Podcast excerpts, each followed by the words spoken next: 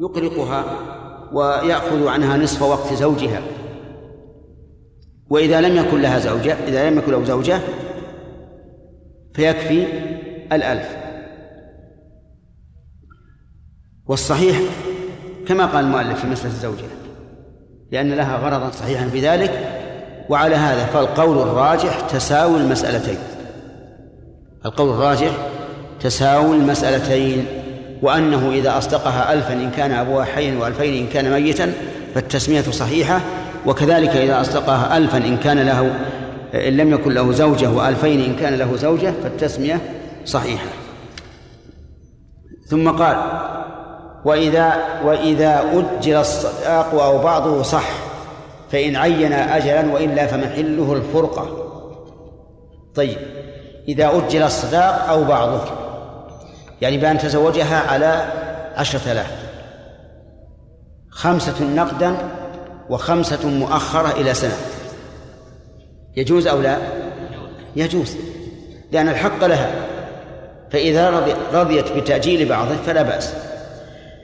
طيب وإذا تزوجها على عشرة آلاف مؤجلة إلى سنة.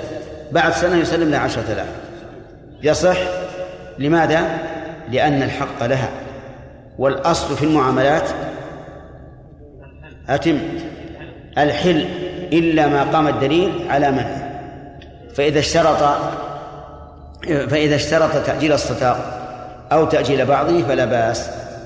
طيب هل يشترط أن يعين المدة؟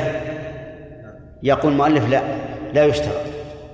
إن عين أجلا فواضح وإن لم يعين أجلا فمحله الفرقة. الفرقة بموت أو طلاق أو فسخ. مثال ذلك تزوج رجل امرأة على عشرة آلاف خمسة نقدا وخمسة مؤجلة وكتب الكتاب وتفرق. بعد مضي عشرة أشهر مثلا جاءت الزوجة قالت أعطي أعطي المؤجل. هو أعطاها المقدم وانتهى منه وبعد عشرة أشهر قالت أعطني المؤجل. قال ما بيننا أجل أجل محدد. فقالت إذا كان ليس بيننا أجل محدد فالتأجيل فاسد. تأجيل فاسد لأنه مجهول وغرر. عرفتم؟ قولها قوي الآن.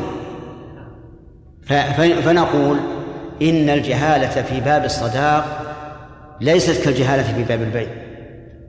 البيع لو قال بعتك هذه السلعة بمئة, بمئة ريال خمسين نقدا وخمسين مؤجلة ولم يذكر الأجل ما صح الأجل. لكن في باب الصداق أوسع لأن الصداقة ليس معاوضة محضة. مو معاوضة محضة المقصود به الوصول إلى استحلال المرأة فقط على وجه شرعي. فنقول هنا إذا إذا طالبت بعد مضي عشرة أشهر بالمؤجل فليس لها حق المطالبة لأنه إذا لم يذكر الأجل متى يكون حلوله؟ الفرقة. يعني لو طلقها حل المؤجل ولو بعد شهر. لو فسخها حل ولو بعد شهر. لو ماتت حل ولو بعد شهر. لو مات حل ولو بعد بعد شهر. متى حصلت الفرقة؟ حل المؤجل. والله أعلم. نعم.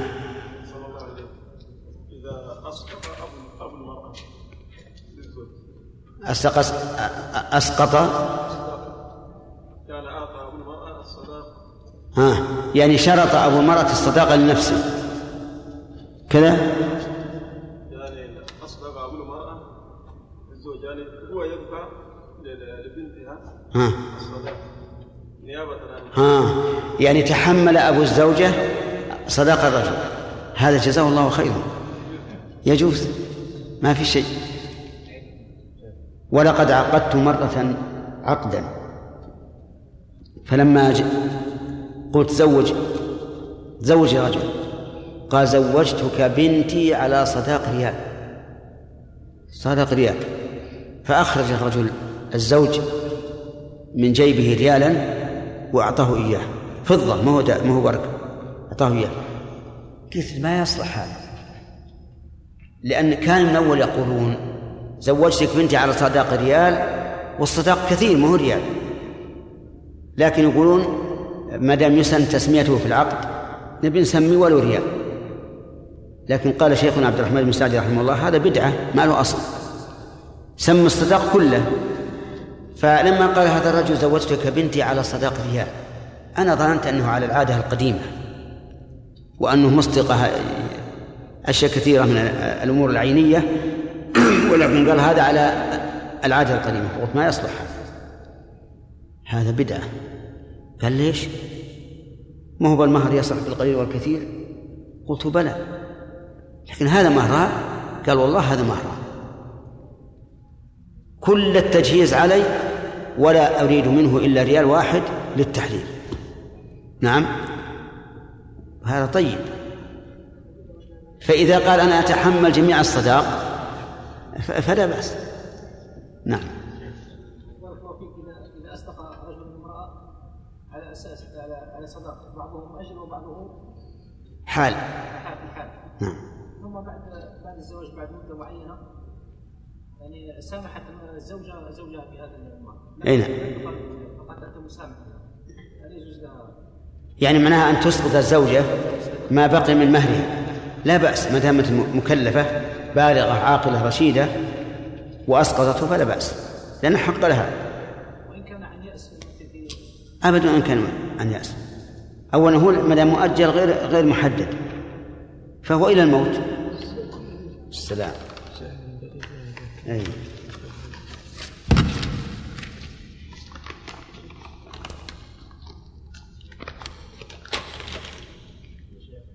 نعم.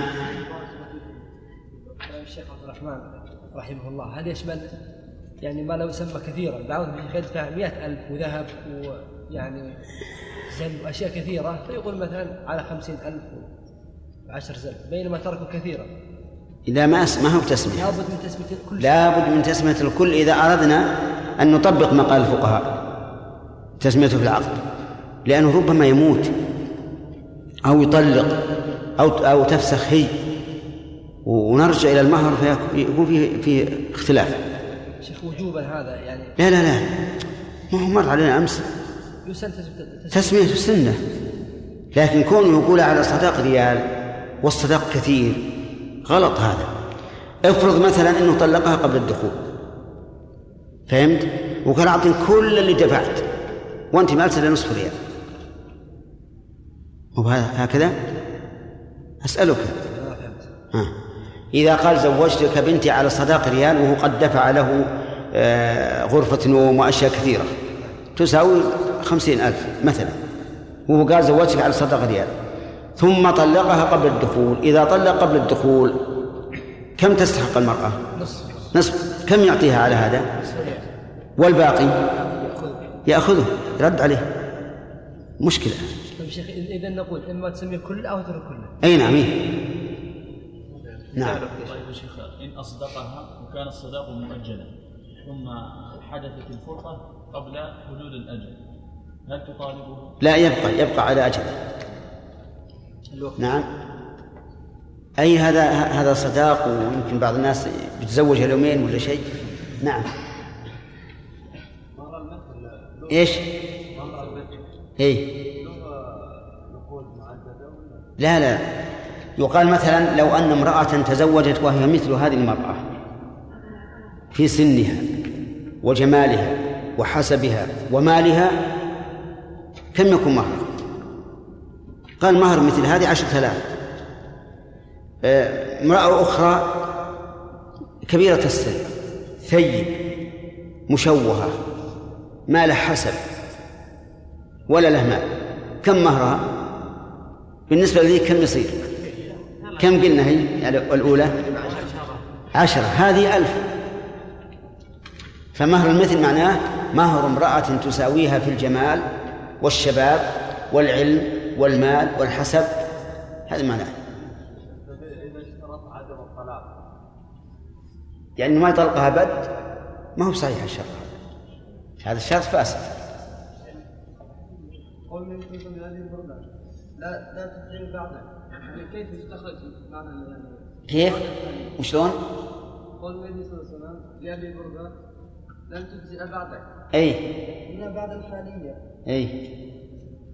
كيف يعني يستخرج من اللفظ؟ ها. استخرج من اللفظ لأن كثيرا ما تقول فلان فقير ما بعده فقر فقر ما بعده فقر يعني معناه أقصى ما يكون من الفقر. مو معناه أنه ما يأتي بعده فقر. فهمت الحين ولا لا؟ طيب. حجاج سلام مو براضي افتنوا له نعم. في بعض البلاد يكتب المسمى من الصداق أقل شيء مثلا 25 قرش مثلا. يعني نعم. يأخذ آه، نسبة على هذا الصداق.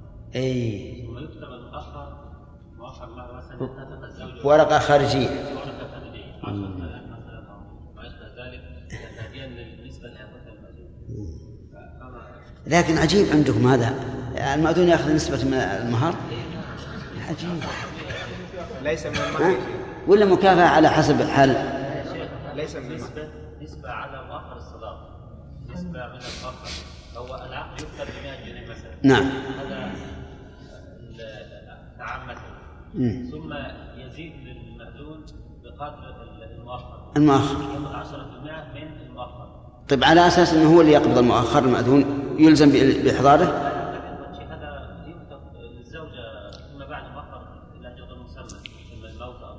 إيه إيه.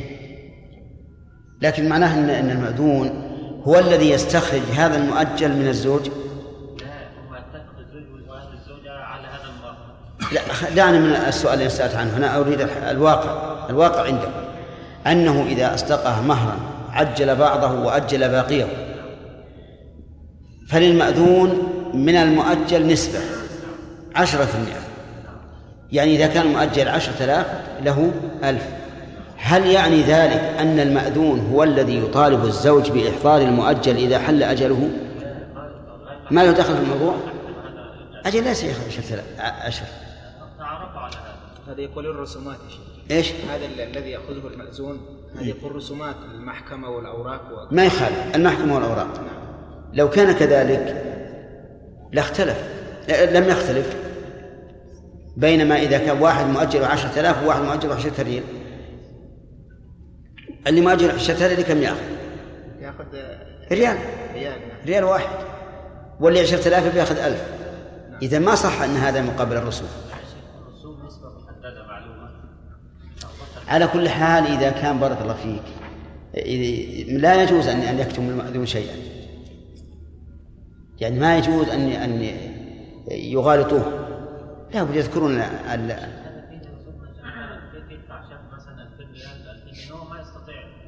2000 2000 ما هو بيدفع 20 جنيه آه، آه، 2000 جنيه.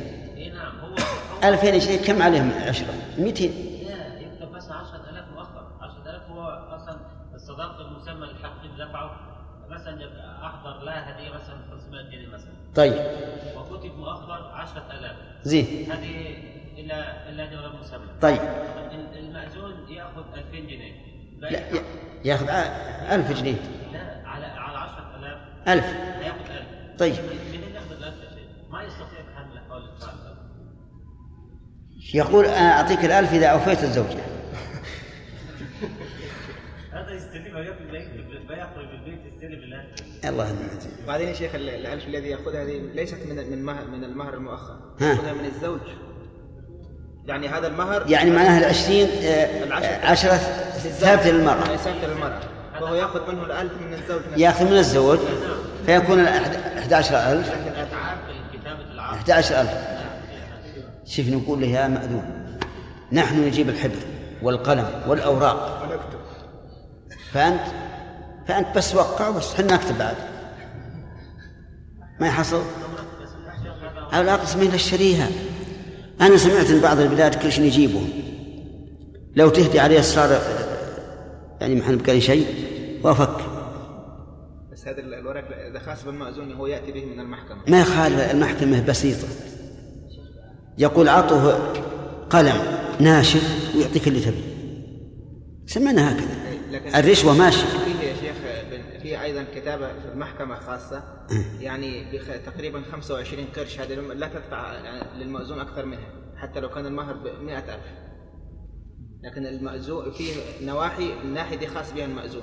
فهذه ال- الأشياء دي يأخذها المأذون. والله على كل حال آه، تحتاج إلى تأمل ما دام إنه ظلم هذا ولا ولا والمأذون ما له التعب في الواقع.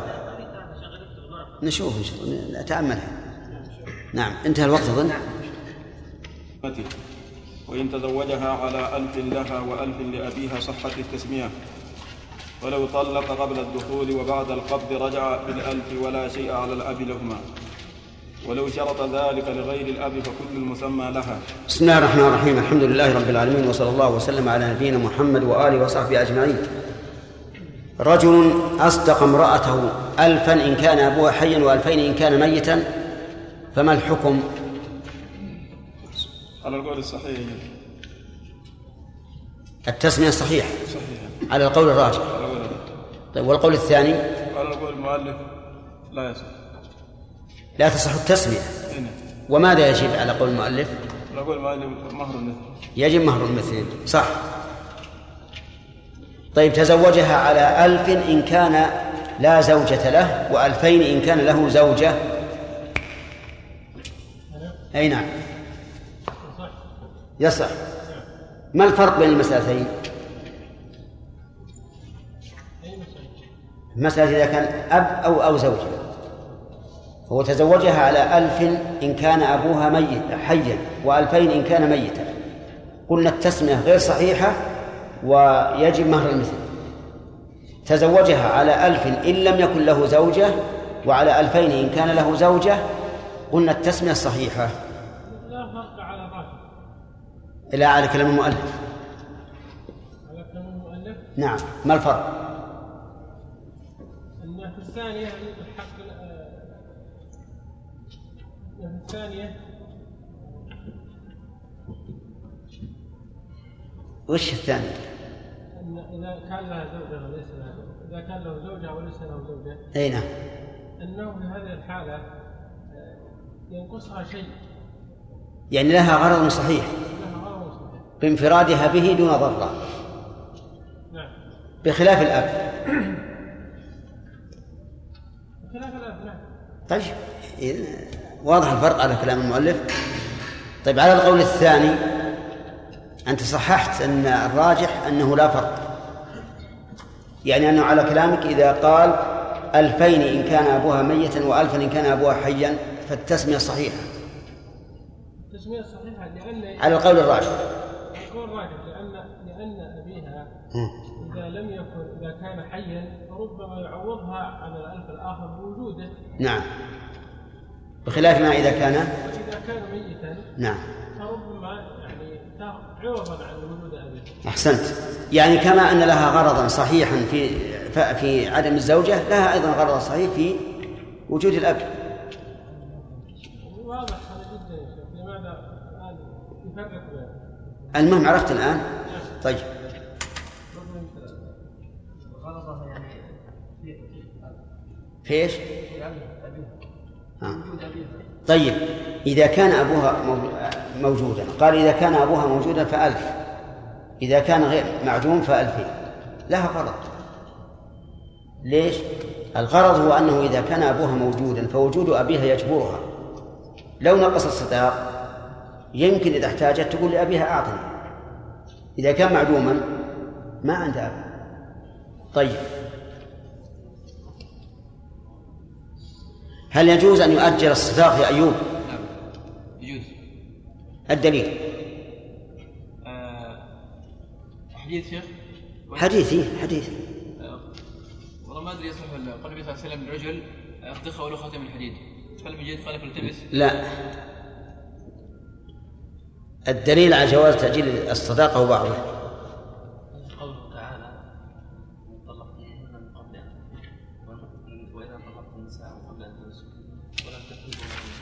لا. هذا هذا إذا لم يسمى. لم يسمى. لا التأجيل. على ألف نصف حال ونصف مؤجل. نعم. إذن النبي صلى الله عليه وسلم لمن أصدق زوجته تعليما القرآن. وهو لا يتأتى إلا بعد ال لا ما على كل حال. يمكن يبدأ قبل عقد يعني من يوم عقد يبدأ. نعم. هذا تعليل وأنا أريد دليلا. والتعليل هذا صحيح لا شك لكن أنا أريد الدليل.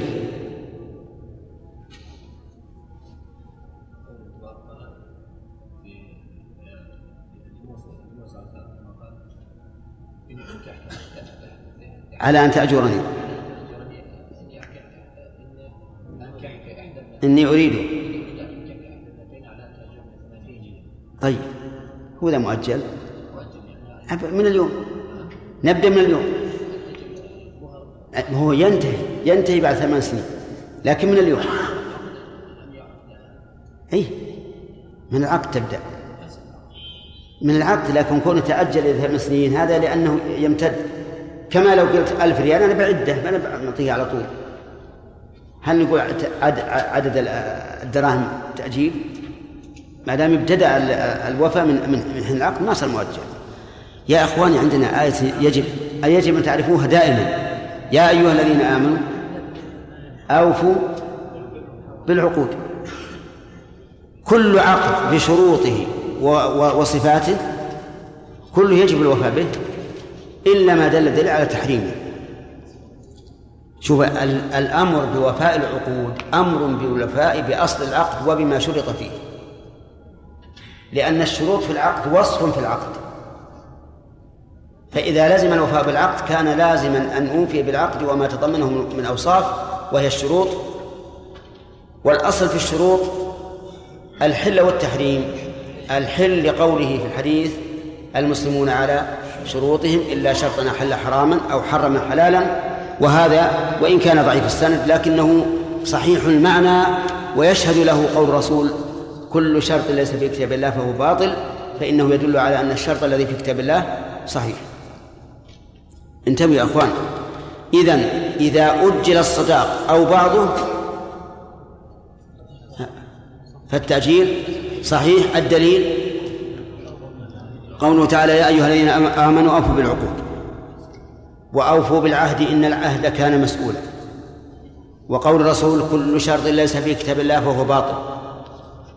وقوله المسلمون على شروطهم إلا شرطا أحل حراما أو حرم حلالا أما التعليل وهو الدليل النظري التعليل تراه آه، اس- اسمعوا الدليل. آه، نعم التعليل دليل نظري فالدليل النظري هو إيش؟ أن الحق لها فإذا رضيت بتأجيله فالحق لها لها أن تسقط التعجيل. طيب نقرأ عشان يروح الوقت في المناقشة. إن أصدقها مالا مغصوبا أو خنزيرا ونحوه وجب مهر المثل. طيب إذا أصدقها شيئا مغصوبا. أصدقها شيئا مغصوبا. بأن كان عنده سيارة. قد سرقها. أو غصبها من صاحبها. والفرق بين السرقة والغصب الغصب يأخذه قهرا كما يقول العوام عينك عينك. والسرقة خفية. المهم هذه السيارة سرقها أو غصبها قال أراد أن يتزوج بها فقال للمرأة مهرك هذه السيارة؟ قالت قبلت. ثم جاء صاحب السيارة وأقام بينة أنها له وأخذها. فماذا يجب للمرأة؟ يقول المؤلف إنه يجب مهر مهر المثل. نلغي الأول إلغاء تاما ويجب مهر المثل. السيارة التي أصدقها إياها تساوي خمسة آلاف ومهر مثل هذه المرأة خمسون ألف فبطلت تسمية الس- السيارة. ماذا يجب لها؟ خمسون ألفا. يعني بزيادة خمس وأربعين ألفا لأن التسمية الأولى غير صحيحة. فتلغى. هذا ما ذهب إليه المؤلف. والصحيح أنه ليس لها إلا قيمة السيارة أو مثلها إن أمكن. لأن هذه السيارة الأصل فيها أنها مال محترم لكن لتعلق حق الغير فيها أو لتعلق حق الغير بها أبطلنا التسمية. فنقول إن المرأة رضيت بأن بأن تكون هذه السيارة هي مهرها. فلا نلزمه إلا بسيارة مثلها إن أمكن أو قيمتها. القيمة كم؟ خمسة آلاف. واضح؟ هذا القول هو الراجح. التعليل لأن المغصوب مال إيش؟ محترم حلال لولا تعلق حق المالك به فنلغيه لحق المالك. إذا أصدقها خنزيرا إذا أصدقها خنزيرا فإنه لا يصح لأن الخنزير محرم لعينه. أصدقها خمرا لا يصح لأن الخمر محرم لعينه فماذا يجب؟ هنا يجب مهر المثل. لأن لأن المسمى لا يحل بأي حال من الأحوال. بخلاف السيارة السيارة لاحظوا يا جماعة. لو أن الرجل الذي أصدق السيارة المغصوبة اشتراها من من المالك. صح أن يجعلها مهرا؟ صح. لكن هذا الخنزير والخمر ما يصح. فعلى هذا إذا أصدقها خمرا أو أصدقها خنزيرا فإنه لا يصح. التسمية ويجب لها مهر المثل. طيب الخنزير يساوي يساوي مئة ألف ومهر مثلها عشرين ألف. كم لها؟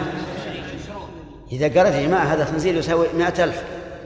نقول الخنزير ليس له قيمة شرعا إطلاقا ما يسوى ولا فلس ولا فلس ولا قيمة له.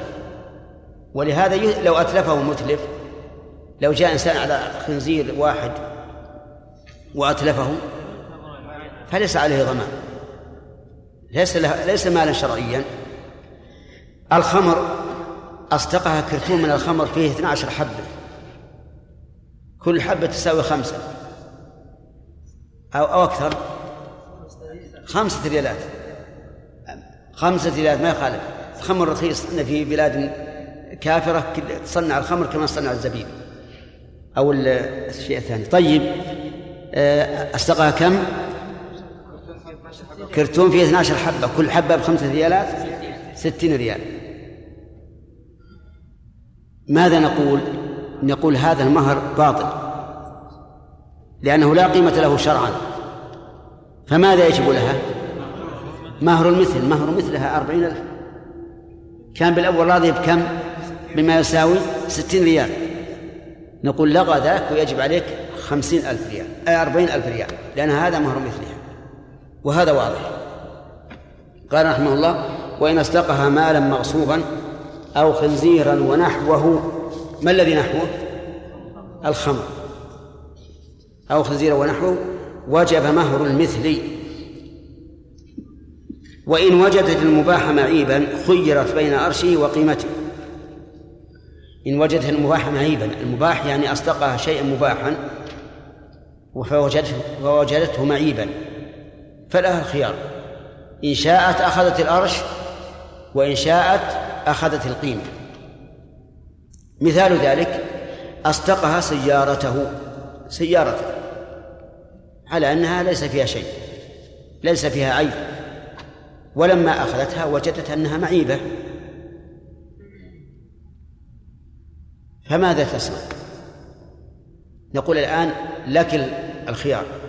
إن شئت خذي الأرش وإن شئت رديها وخذي القيمة. ما هو الأرش؟ الأرش هو الفرق بين قيمتها سليمة وقيمتها معيبة.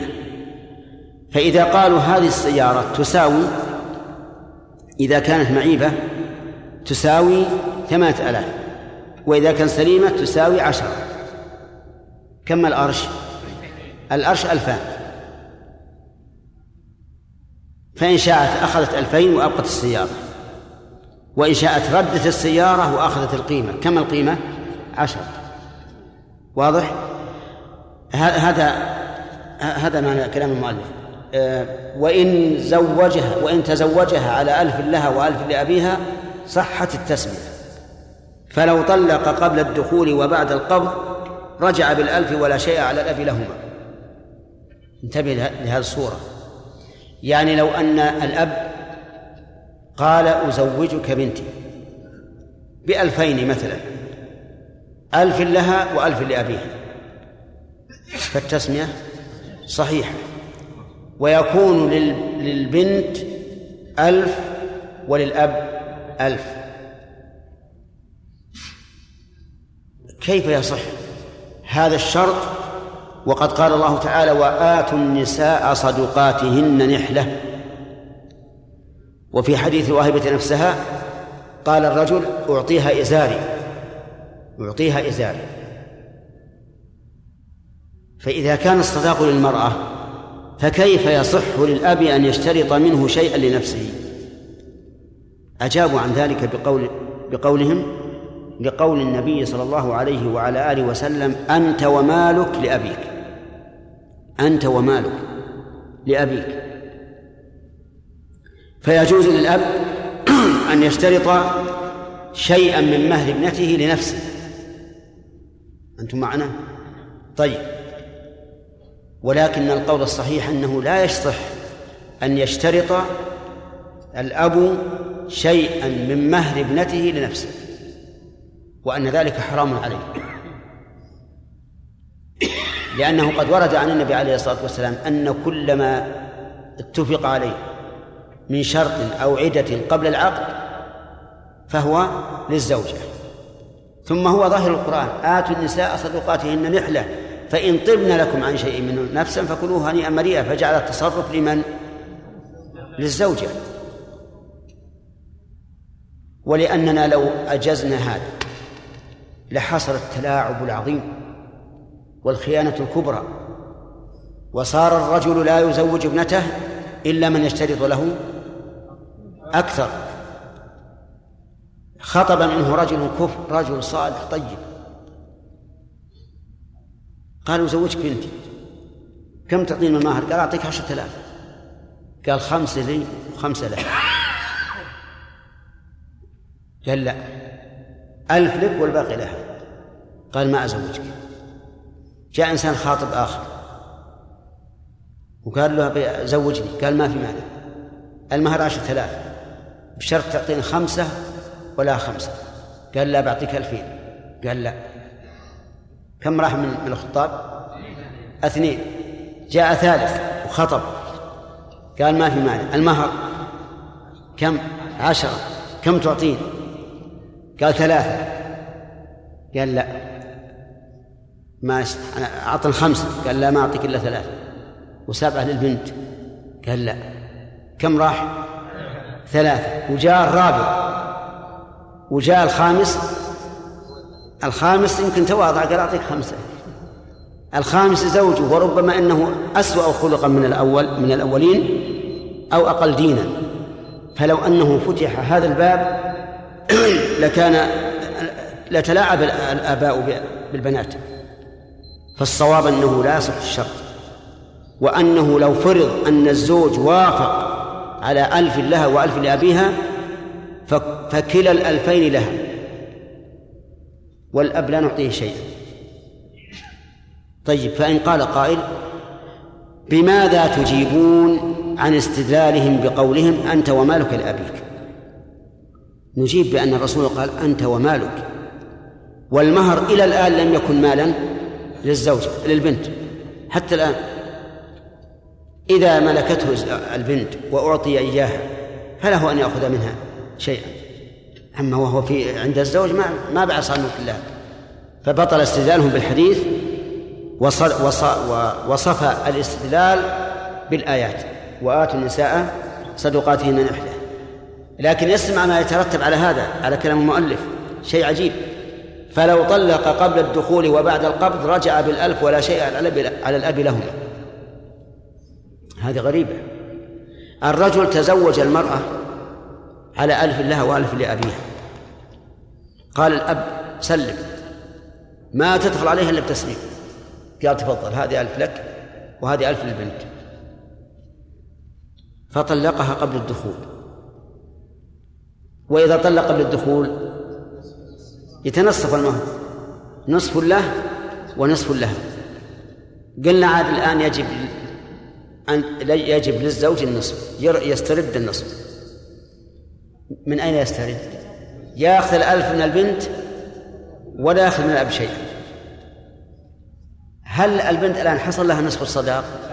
لا ما حصل لها شيء مسكين والأب حصل له ألف بدون أن أن يكون يتم الزواج والصواب أننا لو قلنا بصحة ما قال المؤلف فإنه إذا طلق قبل الدخول يأخذ نصف الألف من البنت ونصف الألف من الأب هذا إذا قلنا بالصحة مع, مع أننا لا نقول بالصحة ونقول إن الأب إذا اشترط لنفسه شيئا من المهر فليس له شيء.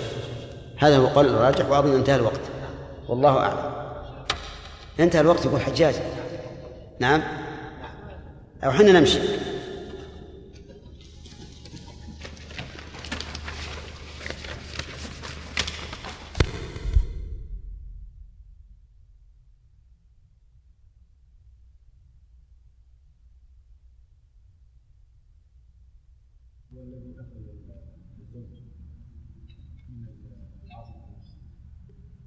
إيه لأن الله قال الرسول قال فلأولى رجل ذكر وهذا ليس من هؤلاء. من يقرأ الفقه؟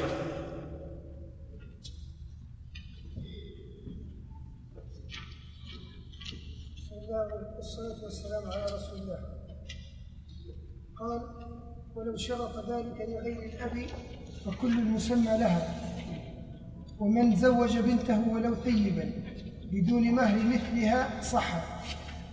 وإن زوجها به ولي غيره. ولي. وإن زوجها به ولي غير ولي غيره بإذنها صح وإن لم تأذن فمهر المثل.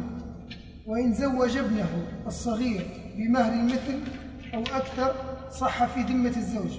وإن كان معسرا لم يضمنه الأب.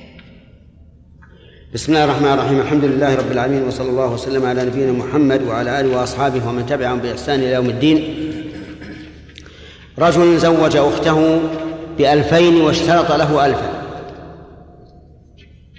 فما الحكم الأخ زوج أخته بألفين واشترط لنفسه ألفا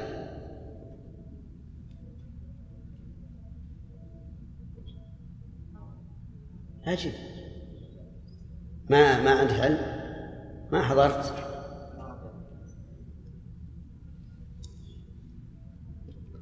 العلم يحتاج إلى جهد كبير. وعند الصباح يحمد القوم السرى. انتبهوا يا جماعة الكلام للجميع.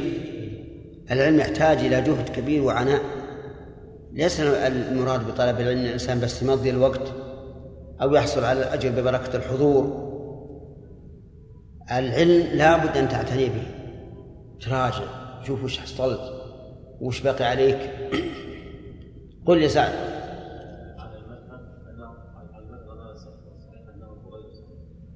كيف؟ رجل زوج أخته الشقيقة من أمه وأبيه. على ألفين واشترط نفسه ألفا. فما الحكم بس؟ الحكم لا يصح. على المذهب لا يصح. وعلى المذهب صحيح وعلى غير المذهب. وعلى غير المذهب. أنه يصح. كيف؟ على ما ذهب إليه المؤلف. أي أن هذا صحيح. صحيح. نعم. وعلى ما لم يذهب إليه. غير صحيح. طيب. شرافي. هذا غير صحيح هذا المذهب ولا وش معنى غير صحيح؟ هذا غير غير صحيح وش معنى غير صحيح؟ يعني يبطل النكاح؟ لا تبطل التسمية؟ لا ها؟ يبطل اشتراط الألف لأخيها يعني يعني كل المسمى لها يكون كل المسمى للزوجة فلا يصح الشرط أفهمتم؟ رجل زوج أخته الشقيقة قال بألفين ألف لي وألف لها نقول العقد يصح والمهر ألفان. لكن كلا الألفين للزوجة ولا شيء للأخ.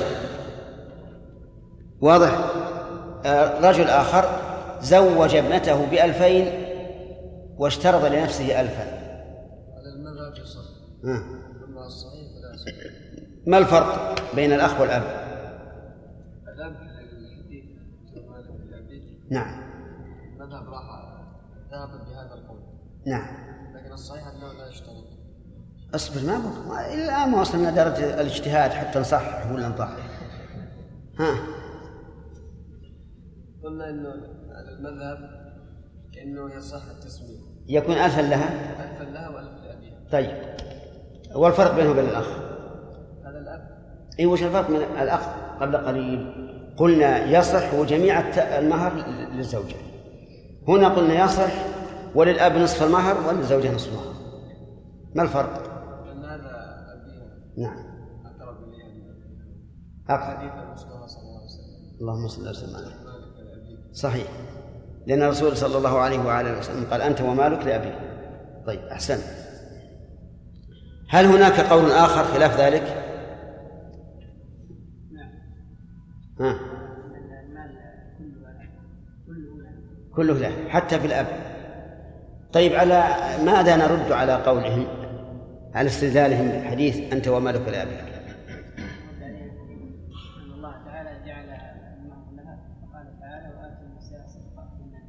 طيب يقول هذا هذا دليل لنا وليس علينا. صدقاتهن دام ملكت فهي فهي ومالها لي.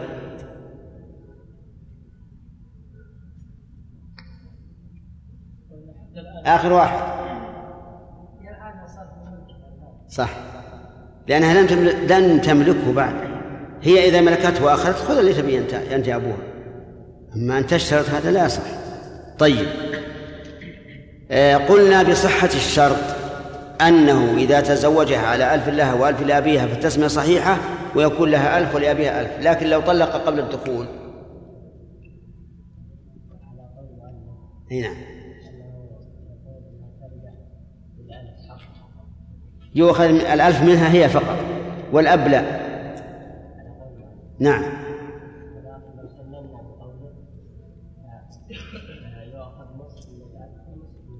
أحسنت بارك الله فيك. وقولك لو سلمنا بقوله يعني لو قلنا بأن هذا الشرط صحيح. لأن في قول ثاني يقول حتى الأب ما يش... لا يصح أن يشترط لنفسه شيئا. ثم قال المؤلف درس اليوم الجديد ومن زوج ابنته ولو ثيبا بدون مهرها مهر مثلها صح.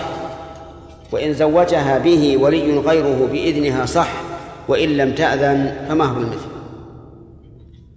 انتبه.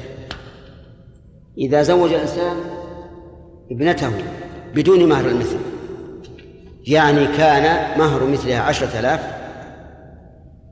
وزوجها بخمسة آلاف فهل هذا صحيح؟ الجواب نعم هو صحيح.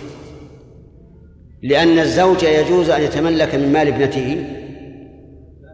ما شاء آه نعم لأن الأب لأن الأب يجوز أن يتزوج من مال يجوز أن يتملك من مال ابنته ما شاء.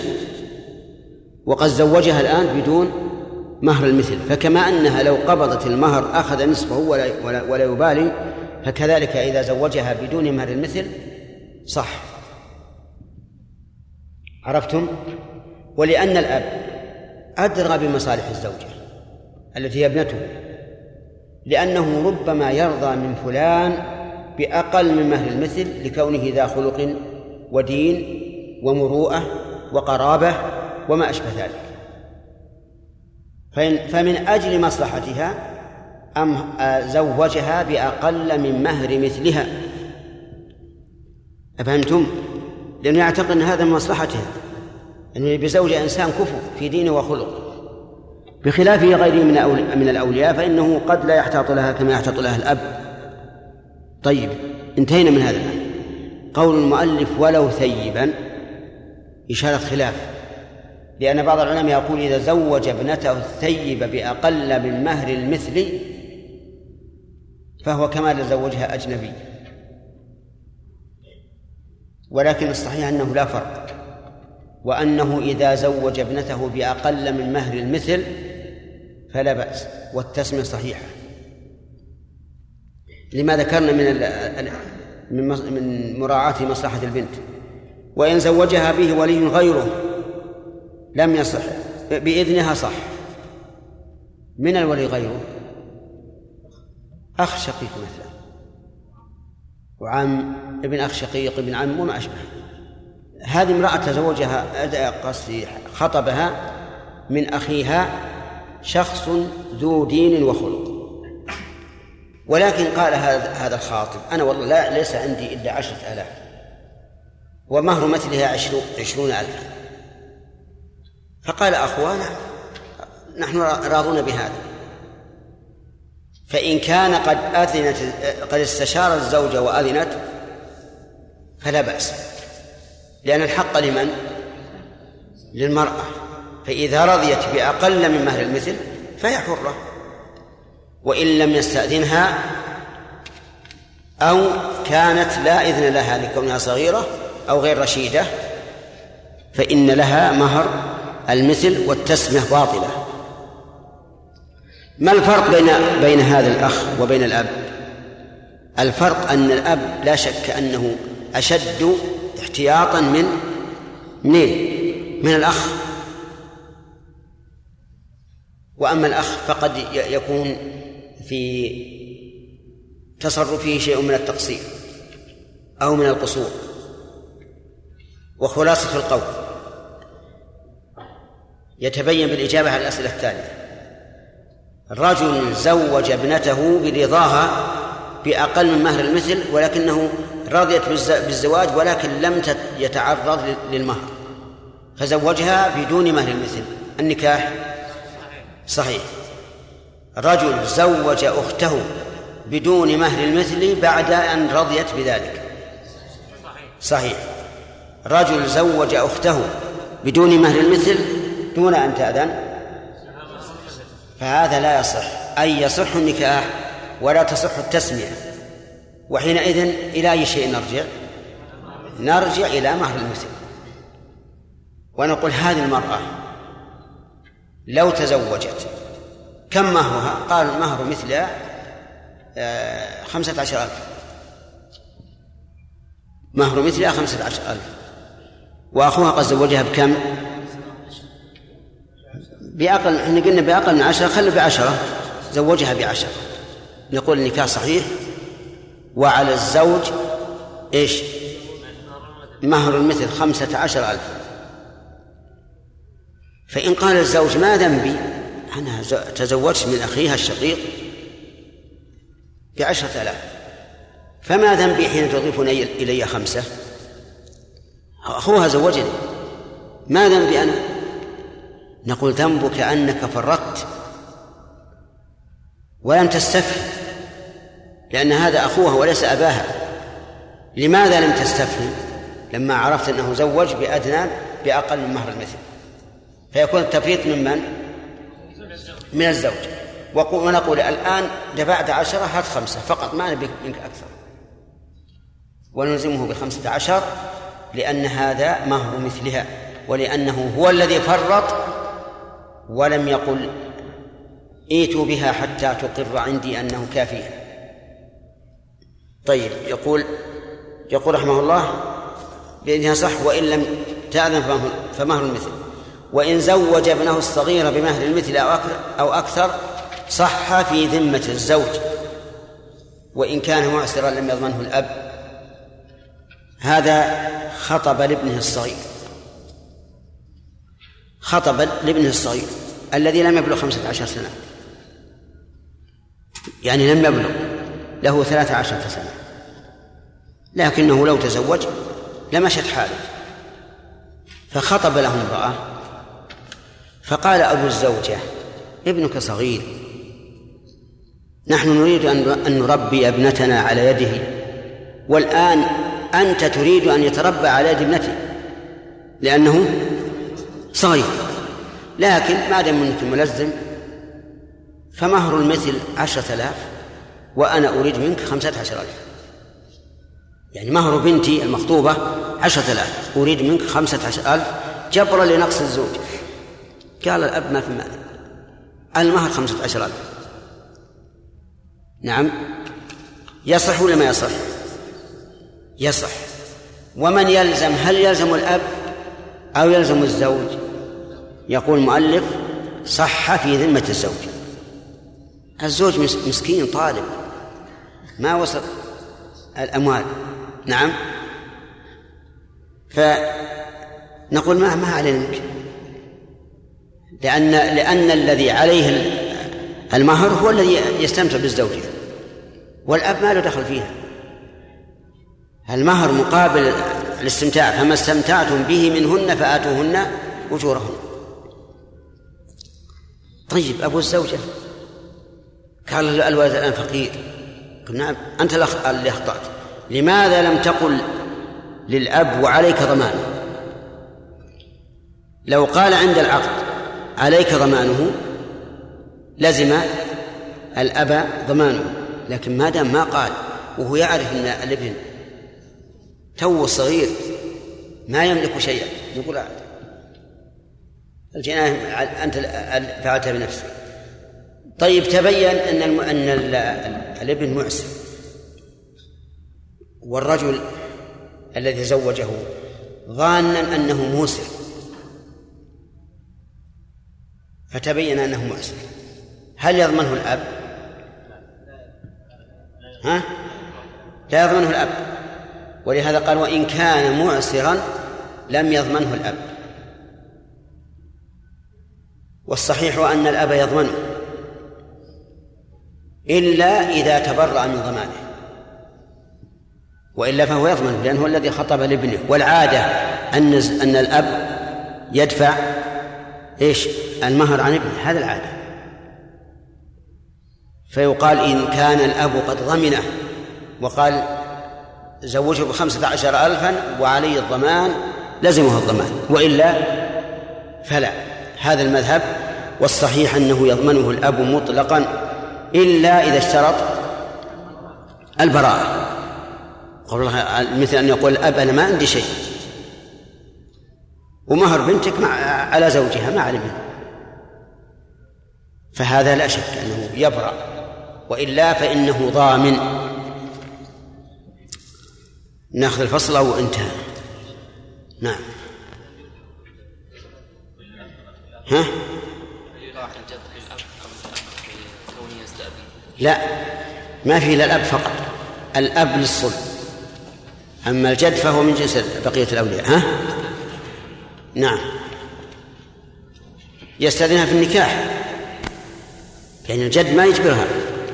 والأب على القول الصحيح أيضا ما يجبرها لكن على المذهب يجبرها إذا كانت بكرا نعم. قال بعض العلماء لو زوجها بأبيه وزوجها أخوها أي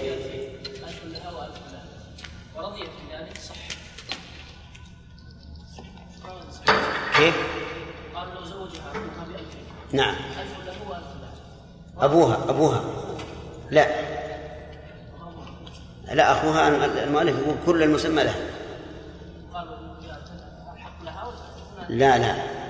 الأخ الحق كل المسمى له. الأب هو الذي يجوزون المذهب ذلك. وكما عرفتم بالدرس الماضي أن الصحيح أنه لا يجوز.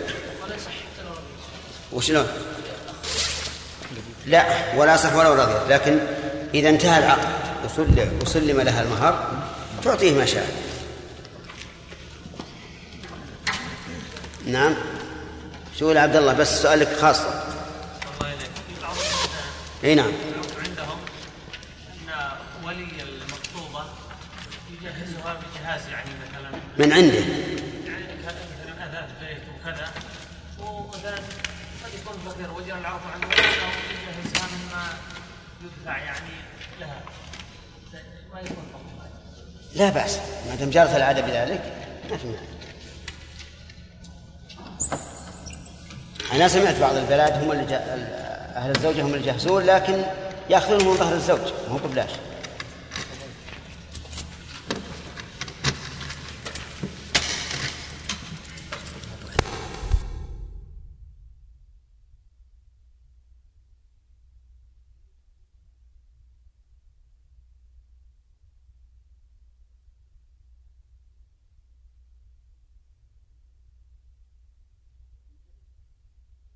وإن تلف.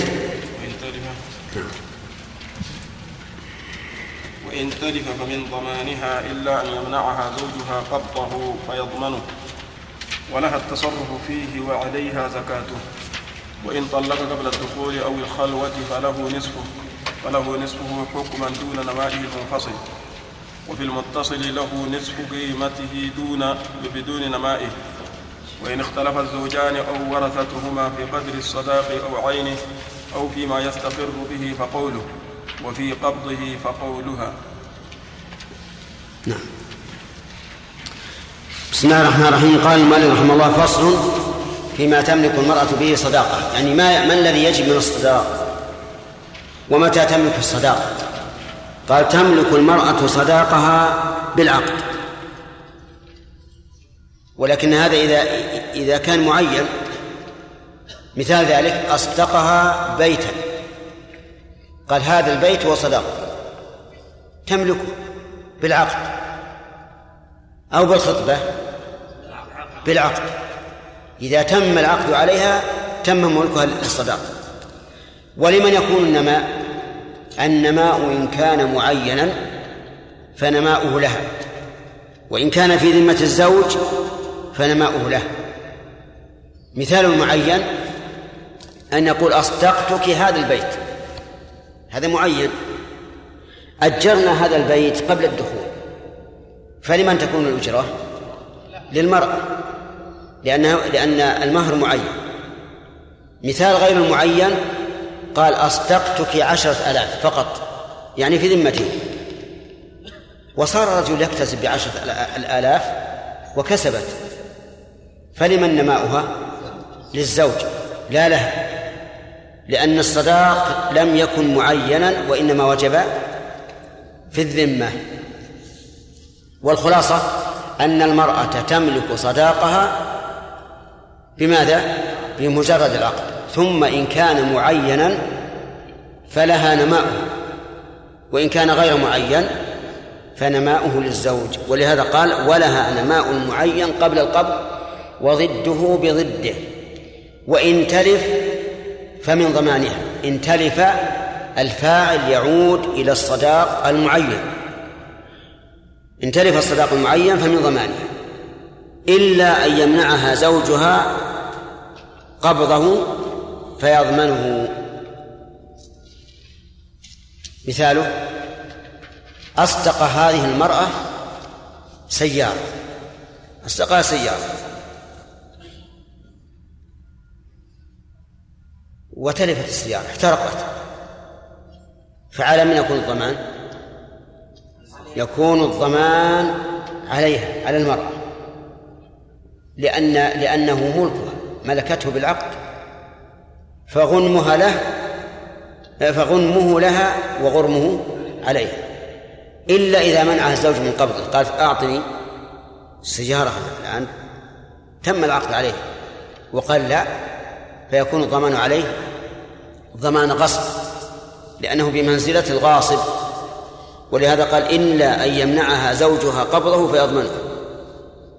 ولها التصرف فيه أي في المعين وعليها زكاته. لها التصرف فيه بماذا؟ بالتأجير والانتفاع والبيع وكل شيء. تتصرف فيه تصرفا كاملا لأنها ملكته بماذا؟ بالعقد. وعليها زكاته. إذا كان مما يزكى فعليها زكاته. مثل الحلي. أصدقها مئة مثقال من الحلي. قال هذا صداقك. وقبضت ولم يتم الدخول بعد. وبقي عندها سنة وهو لم يدخل عليها الزوج. فلمن تكون فعلى من تكون الزكاة؟ على الزوجة أو على الزوج؟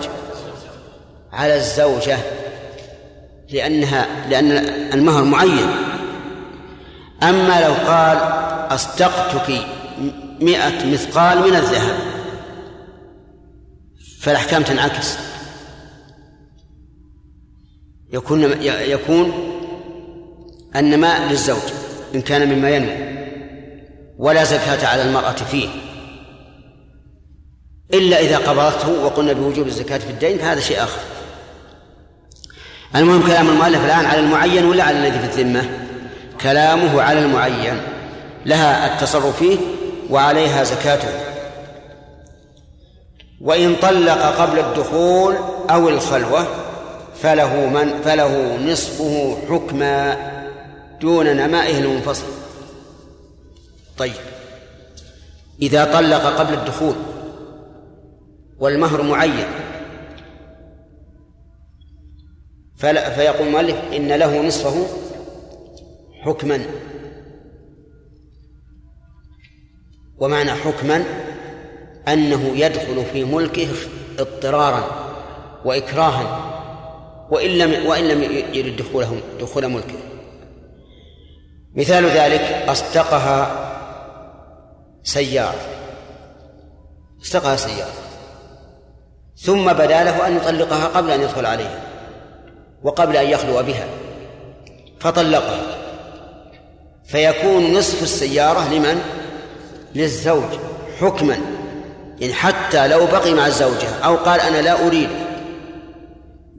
فإنه يدخل في ملكه. قهرا. طيب فإن قال قد وهبته لها صار ابتداء عطية ولا بأس. لكن كونه يقول أنا ما أبيه يعني لا أريد أن يدخل ملكي نقول لا هو داخل في ملكك. ودليل ذلك قوله تعالى وإن طلقتموهن من قبل أن تمسوهن وقد فرضتم لهن فريضة. إيش؟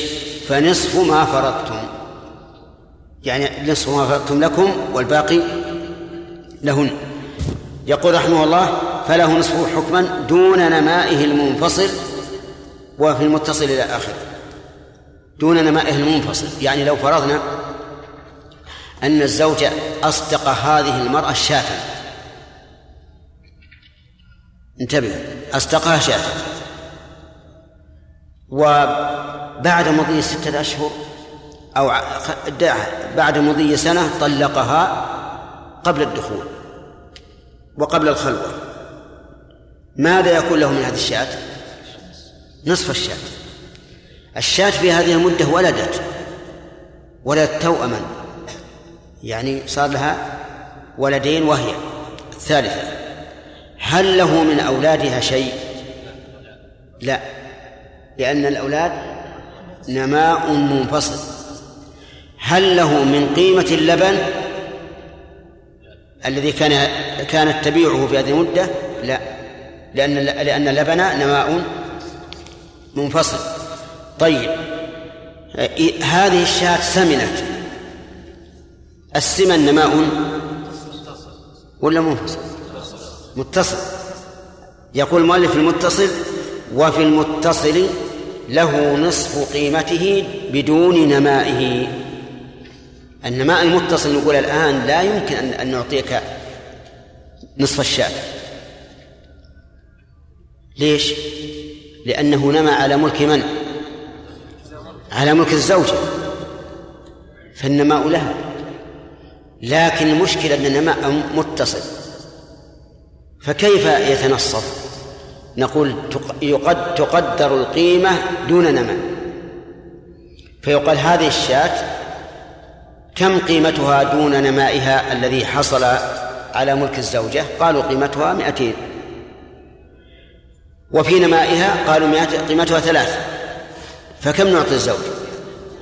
مئة وخمسين ولا مئة؟ مئة. لأن النماء المتصل لا حق له فيه. لكن نظرا إلى أنه لا يمكن فصله نقول نقدر المهر بدون هذه الزيادة. نقدره بدون هذه الزيادة ونقول لك نصف فإذا قال لماذا لا تردون علي نصف مهري؟ قلنا لتعذر رده مع الزيادة إذا قال لماذا لا تجعلوني شريكا مشاعا لنصف هذا الشاة قلنا أيضا لا يمكن لأن هذا لأنها قد نمت وزادت والزيادة ليس لك منها شيء فما بقي إلا أن نقدرها بالقيمة خالية من إيش؟ خالية من الزيادة أنت فاهم؟ أي فاهم زين؟ ها؟ ليس جيدا طيب إذا تزوج رجل امرأة وقال الصداق هو هذه الشاة فهمت؟ وبقي سنة كاملة لم يدخل على المرأة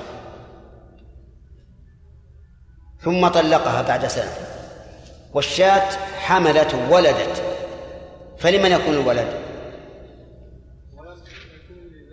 للزوج. طيب هل للزوج منه شيء؟ لا ليس له شيء لأن هذا نماء منفصل. حدث في ملك الزوجة فيكون لها. طيب هذه الشاة سمنت. كانت عند عقد النكاح هزيلة لا تساوي إلا مائة ريال. ثم عند الطلاق صارت سمينة تساوي مائتين ريال. فماذا يجب للزوج؟ هل نقول لك نصف الشاة بزيادتها؟ إن قلنا كذلك ظلمنا المرأة لأن الزيادة للمرأة. وإن قلنا ليس كذلك فما فماذا نعمل؟ نقول نقدر قيمة الشاة على أنها هزيلة ونعطيه نصف القيمة. عرفت الآن؟ هذه. نعم. عبيد. سيأتينا إن شاء الله. أن المهر يستقر. يكون للزوجة. ما ليس للورثة فيه شيء. معين أو في الذمة؟ إذا استطعت السيارة معينة.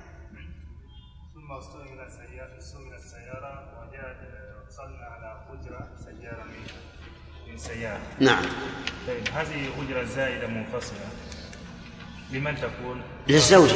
مع أن السيارة استعمالها استعمالها تنقص من قيمتها. نعم. أي ما ما في مال لأنها لأنه ملكها.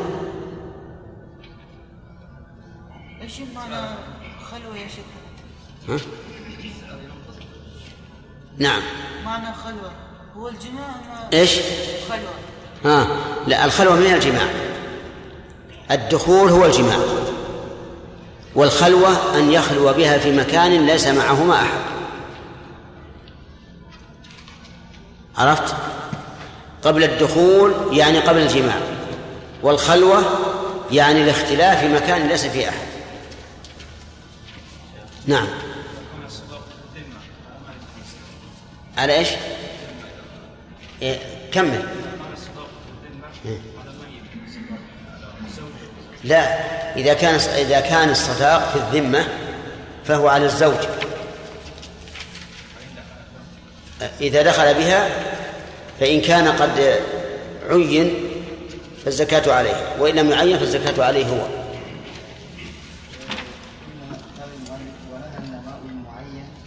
ولها نماء معين ما هي بأن نماء؟ قبل القبض ها؟ إيه. ضده يعني ضد المعين. ضد المعين مثل قال آه، الصداق مئة صاع بر مثلا. مئة ريال الصداق مئة ريال عشان ما تعرف. الصداق مئة ريال. هذه المئة ريال صار الزوج يتكسب بها ويبيع ويشتري صارت مئتين. لمن الربح أسألك. هي. لا هو مو معين. قال مئة ريال ولا قال هذه المئة ما ما عينها. مئة ريال فقط. الرجل هذا صار يتكسب بالمئة ريال وكسب. لمن الكسب؟ للرجل لأنه غير معين. هنا. نعم. إذا استقى سيارة جديدة وصارت مستعملة في السعر في أول أمر سعرها 100 ألف صارت 50 ثم طلقها قبل الدخول فله نصف. نصف 50 ولا نصف نصف السيارة. نصف السيارة الآن صار 50 50 ألف. تباع إذا إذا شاءت إذا شاء الزوج والزوجة تباع بما تباع به وله نصف. ولو نقص بالإستعمال لأن لأن المرأة لها الحق في ذلك. ملكها نعم.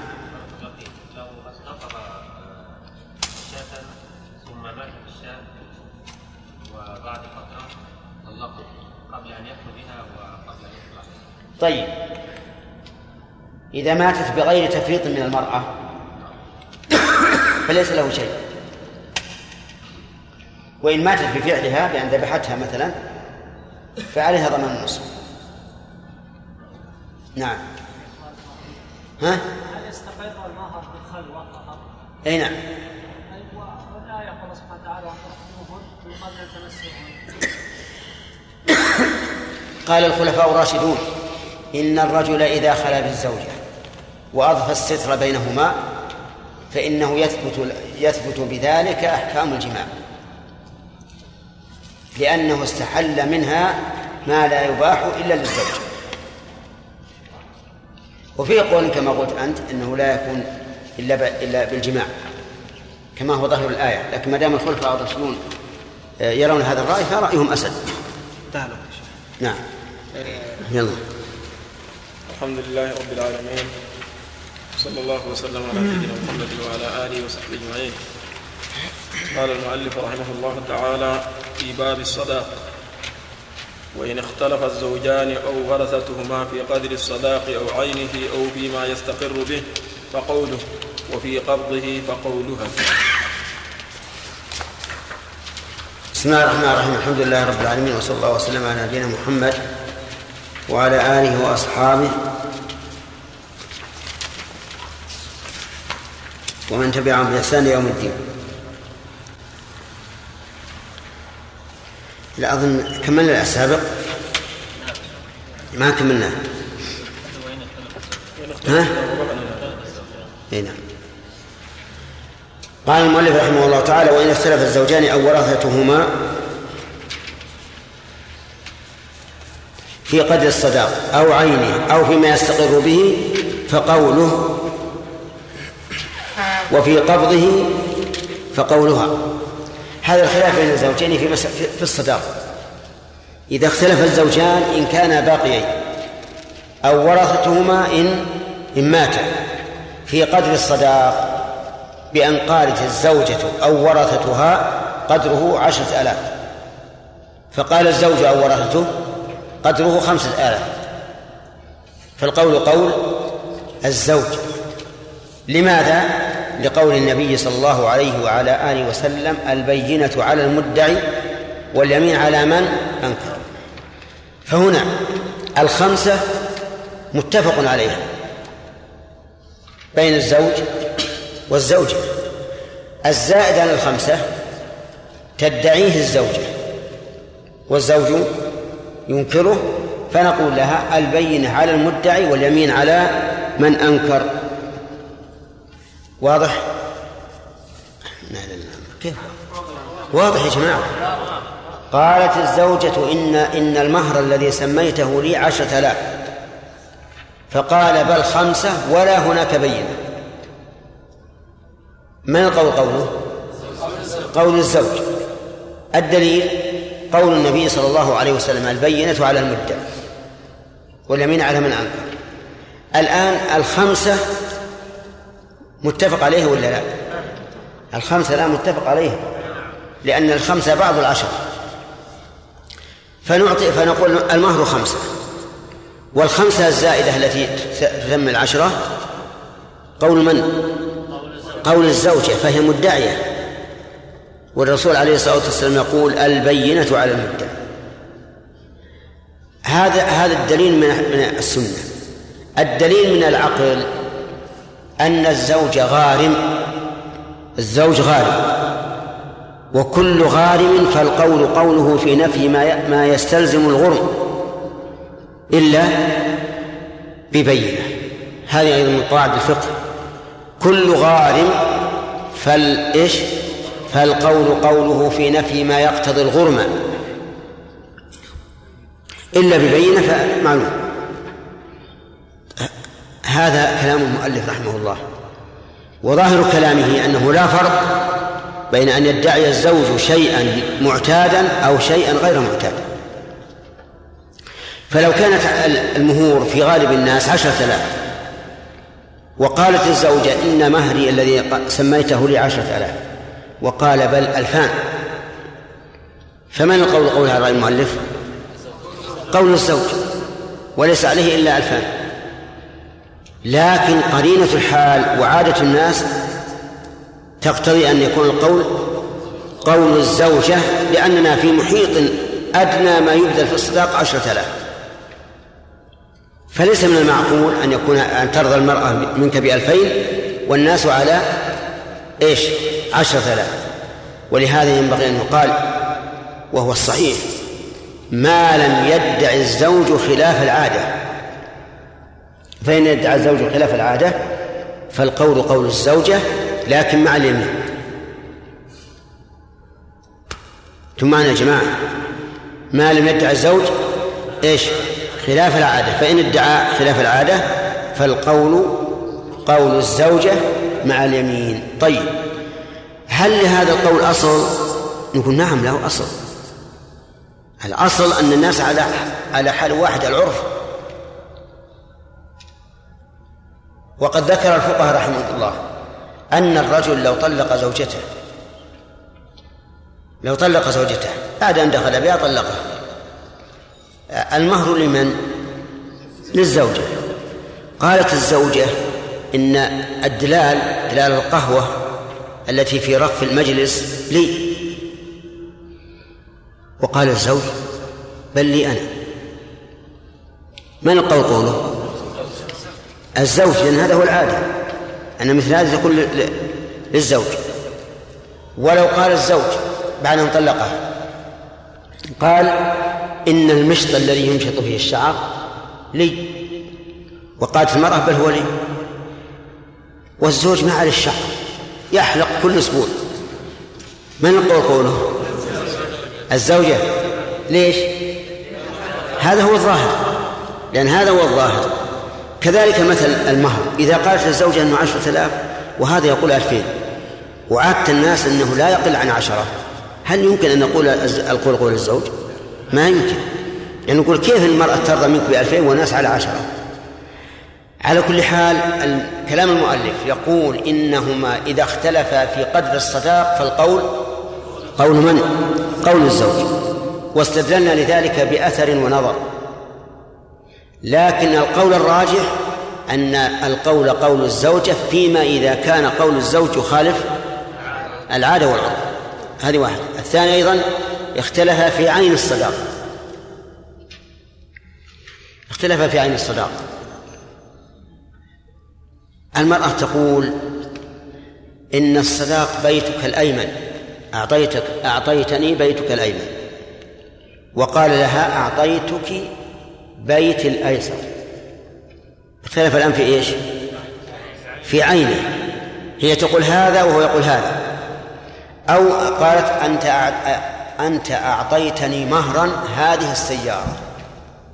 وقال بل هذه السيارة. من القول قوله؟ قول الزوج. لأن الزوج هو هو الغارم فهو المدعى عليه. فالقول قول الزوج. ونقول في هذا كما قلنا فيما إذا اختلفا في قدر الصداق. إذا كان قول الزوج يخالف العادة والعرف فإنه لا يقبل قوله. لو فرضنا أن لو فرضنا أن السيارة التي عينتها تساوي أربعين ألفا والسيارة التي عينها تساوي أربعة آلاف والعادة أن المهر بين الناس بأربعين. فهل نقبل قول الزوج؟ لا نقبل لأنه يخالف العادة. فنقول فيها كما قلنا في ماذا اختلف في قدر الصداق. أو فيما يستقر به فقولها فقوله اختلف فيما يستقر به المهر. ويستقر المهر كما قلنا بالدخول والخلوة. طلقها الرجل وقالت الصداق كله ثبت لي. لأنك خلوت بي في اليوم الفلاني في البيت الفلاني. والخلوة تثبت المهر كله. فقال الزوج أبدا ما خلوت بك. وإنما هو العقد فقط والآن أنا مطلق. كم يجب على الزوج؟ نصف. إن طلقتموهن من قبل أن تمسوهن وقد فرضتم لهن فريضة فنصف ما فرضتم فالزوج الآن يقول مالك إلا النصف وهي تقول لي الكل. من القول قوله؟ قول الزوج لأن الأصل عدم الدخول. الأصل ما دخل بها. وفي وفي قبضه فقولها. إذا اختلف في قبضه فالقول قول الزوجة. القول قول الزوجة. مثال ذلك تزوج إنسان امرأة بعشرة آلاف ريال. ودخل عليها. لما دخل صار من الغد قالت له يا فلان أعطني مهري. أعطني مهري. قال أعطيتك إياه. أعطيتك إياه بالأمس. قالت ما أعطيتني إياه. من القول قوله؟ الزوجة لأن الزوج الآن مدعي هو الآن أقر بأن المهر في ذمته لكن ادعى أنه سلمه. نقول عليك البينة البينة على المدعي. عرفتم؟ ولا لا يا أسامة؟ آه طيب. أحد منكم فهم؟ أصدقها عشرة آلاف ريال. ثم دخل عليها. دخل عليها وبعد يومين أو ثلاثة قالت أعطني المهر. قال المهر أعطيتك إياه قبل الدخول. قالت أبدا ما أعطني من القول قوله؟ قول الزوجة. لأن الأصل عدم القبض. الأصل ما قبض ما قبضها فيكون القول قول الزوجة. طيب. هذا أيضا ينبغي أن يقال ما لم يخالف قول قول الزوجة عرف. فإن خالف قولها عرف أخذنا بالعرف. مثل عندنا هنا في في المملكة هل المهر يؤخر قبضه ولا يقدم؟ ها؟ يقدم فإذا ادعت أنها لم تقبض قلنا هذا خلاف العادة العادة أنه يكون مقدم ولا تكاد تجد أحدا من السعوديين يتزوج امرأة سعودية بمهر مؤجل لا كل المهر ولا بعض في البلاد الأخرى وش الأصل؟ على التخيل كل المهر ولا بعضه؟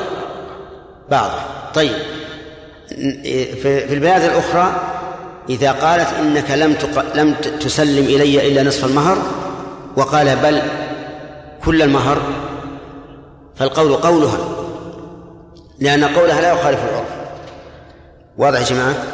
طيب إيش؟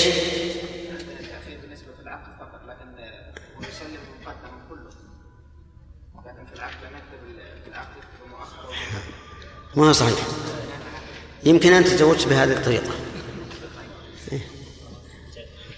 اللي أفهم منهم إن, إن, إن جميع الأجانب يعني مثلا مصر الشام العراق أنه لا بد يؤخر نصف الصداق أو ما يتفقان عليه. نعم. ها؟ يمكن.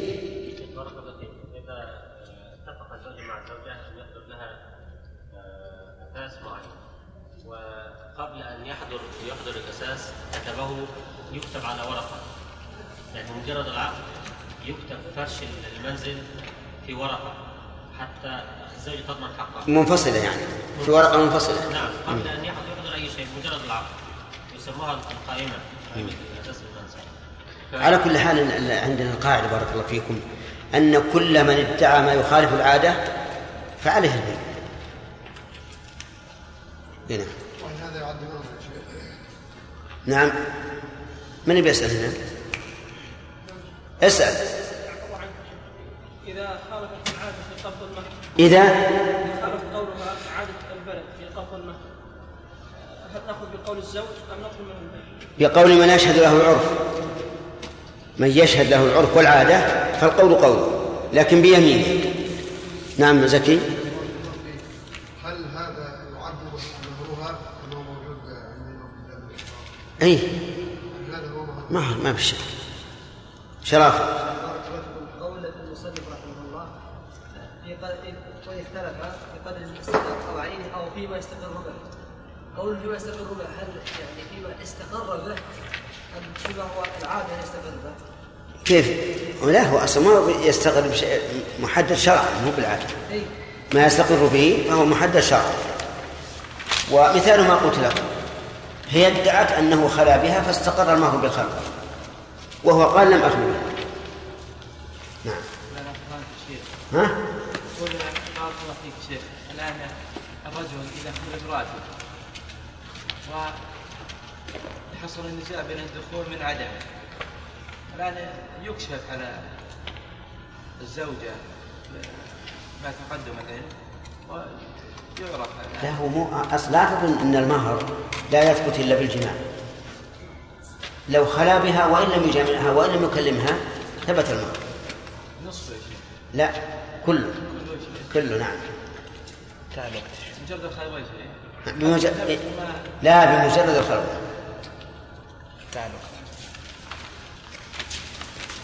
أحدهما هو أجنبي ولها مهر المثل بالعقد ويفرضه الحاكم بقدره. ومن مات منهما بس- بس. بسم الله الرحمن الرحيم. قال المؤلف رحمه الله تعالى فصل في التفويض. ونأخذ مسألة ومسألتين على ما سبق.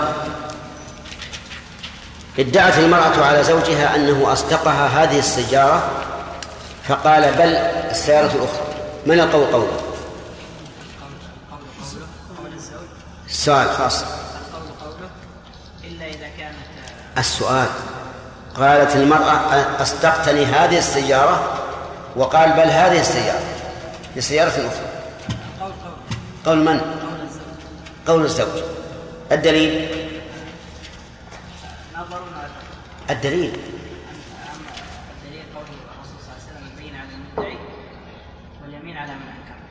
طيب وهي تدعي أنه أصدقها هذا وهو يقول لا. طيب الثاني أن الزوج غائب. والتعليل الثاني تعليل نظري وهو أن الزوج غارم وكل غارم فالقول قول. طيب بارك الله فيك. كأني سمعتك أنك تريد أن تستثني شيئا من هذا. إلا إذا كانت السيارة التي يدعيها الزوج التي تدعيها المرأة آه، توافقها العادة أو العرف قيمة قيمتها يعني يوافق العرف فنقول القول قولها إلا إذا جاء. يعني إلا إذا كانت دعوة الزوج تخالف العادة والعرف. مثل أن يقول استقبلتك هذه السيارة وهي لا تساوي إلا عشر المهر المعتاد. فهنا القول قولها. طيب إذا قدرنا أن أن قولها يزيد على العادة بكثير. يعني مهر مثل هذه المرة عشرين ألف وهذه السيارة تساوي خمسين ألف. إيش نقول قولها. هو يقول استقبلتك هذه السيارة تساوي خمسة آلاف. السيارة هذه ما تسوى شيء أبدا إلا خمسة آلاف. البطارية فيها بلا والرفرف فيه بلا وكل شيء فيه بلا. وهي تدعي قيمة أكبر من هذا. أي نعم. يعني أفرض إنك أنت قاضي الآن. بين زوجين كل واحد يدعي ما, ما يخالف العرف. لأن القول قول قول الرجل. الزوج. يخالف العرف. لأن زياد هذه هو غارمها. صحيح. لكن أيضا هي مظلومة. هل معقول هذه المرأة اللي يعني لنقدر أنها وسط في النساء؟ يكون مهرها سيارة ما تسوى إلا خمسة آلاف ومهر مثلها عشرين ألف. وش تقولون أيها القضاة؟ قوله نعم أنا أرى أن يتساقط القولان. لأن كل واحد منهما قوله يخالف العرف ويرجع إلى مهر المثل. يرجع إلى مهر المثل. هذا أقرب شيء للعدل. لا نقبل الزوج عليها ولا الزوج على الزوج. نقول أقرب شيء أن نقول يبطل قولهما جميعا ويرجع إلى مهر المثل. والله عز وجل يقول إذا حكمتم بين الناس أن تحكموا بالعدل. طيب المسألة الثانية التي أريد أن أسأل عنها إذا اختلف في قبض الصداق. نعم يقول قول قول قول زوجة إذا اختلف في القبض. هو يقول أقبضتك الصداق وهي تقول لم تقبضني. القبض يكون قول زوجة. قول الزوجة لماذا؟ هذا الدليل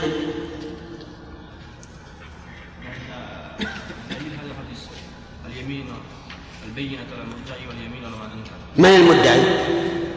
المدعي امرأة زوجة. إذن عليها اليمين. عليها البينة.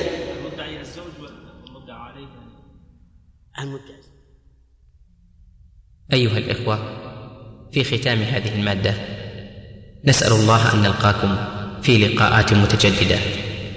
مع تحيات مؤسسة الاستقامة الإسلامية. للإنتاج والتوزيع في عنيزة. شارع هلالة. رقم الهاتف والناسخة الهاتفية صفر ستة ثلاثة ستة أربعة ثمانية ثمانية ثمانية صفر. والرقم الثاني صفر ستة ثلاثة ستة أربعة خمسة ثمانية ثمانية صفر. ورقم صندوق البريد اثنان وخمسمائة وألف. صحيح أو التعبير الصحيح وهي تنكر أنه أعطاها إيش تقولون يا جماعة؟ الثاني إذا من المدعي؟ تعين الآن أن المدعي من؟ الزوج فيكون هو المدعي ونقول البينة على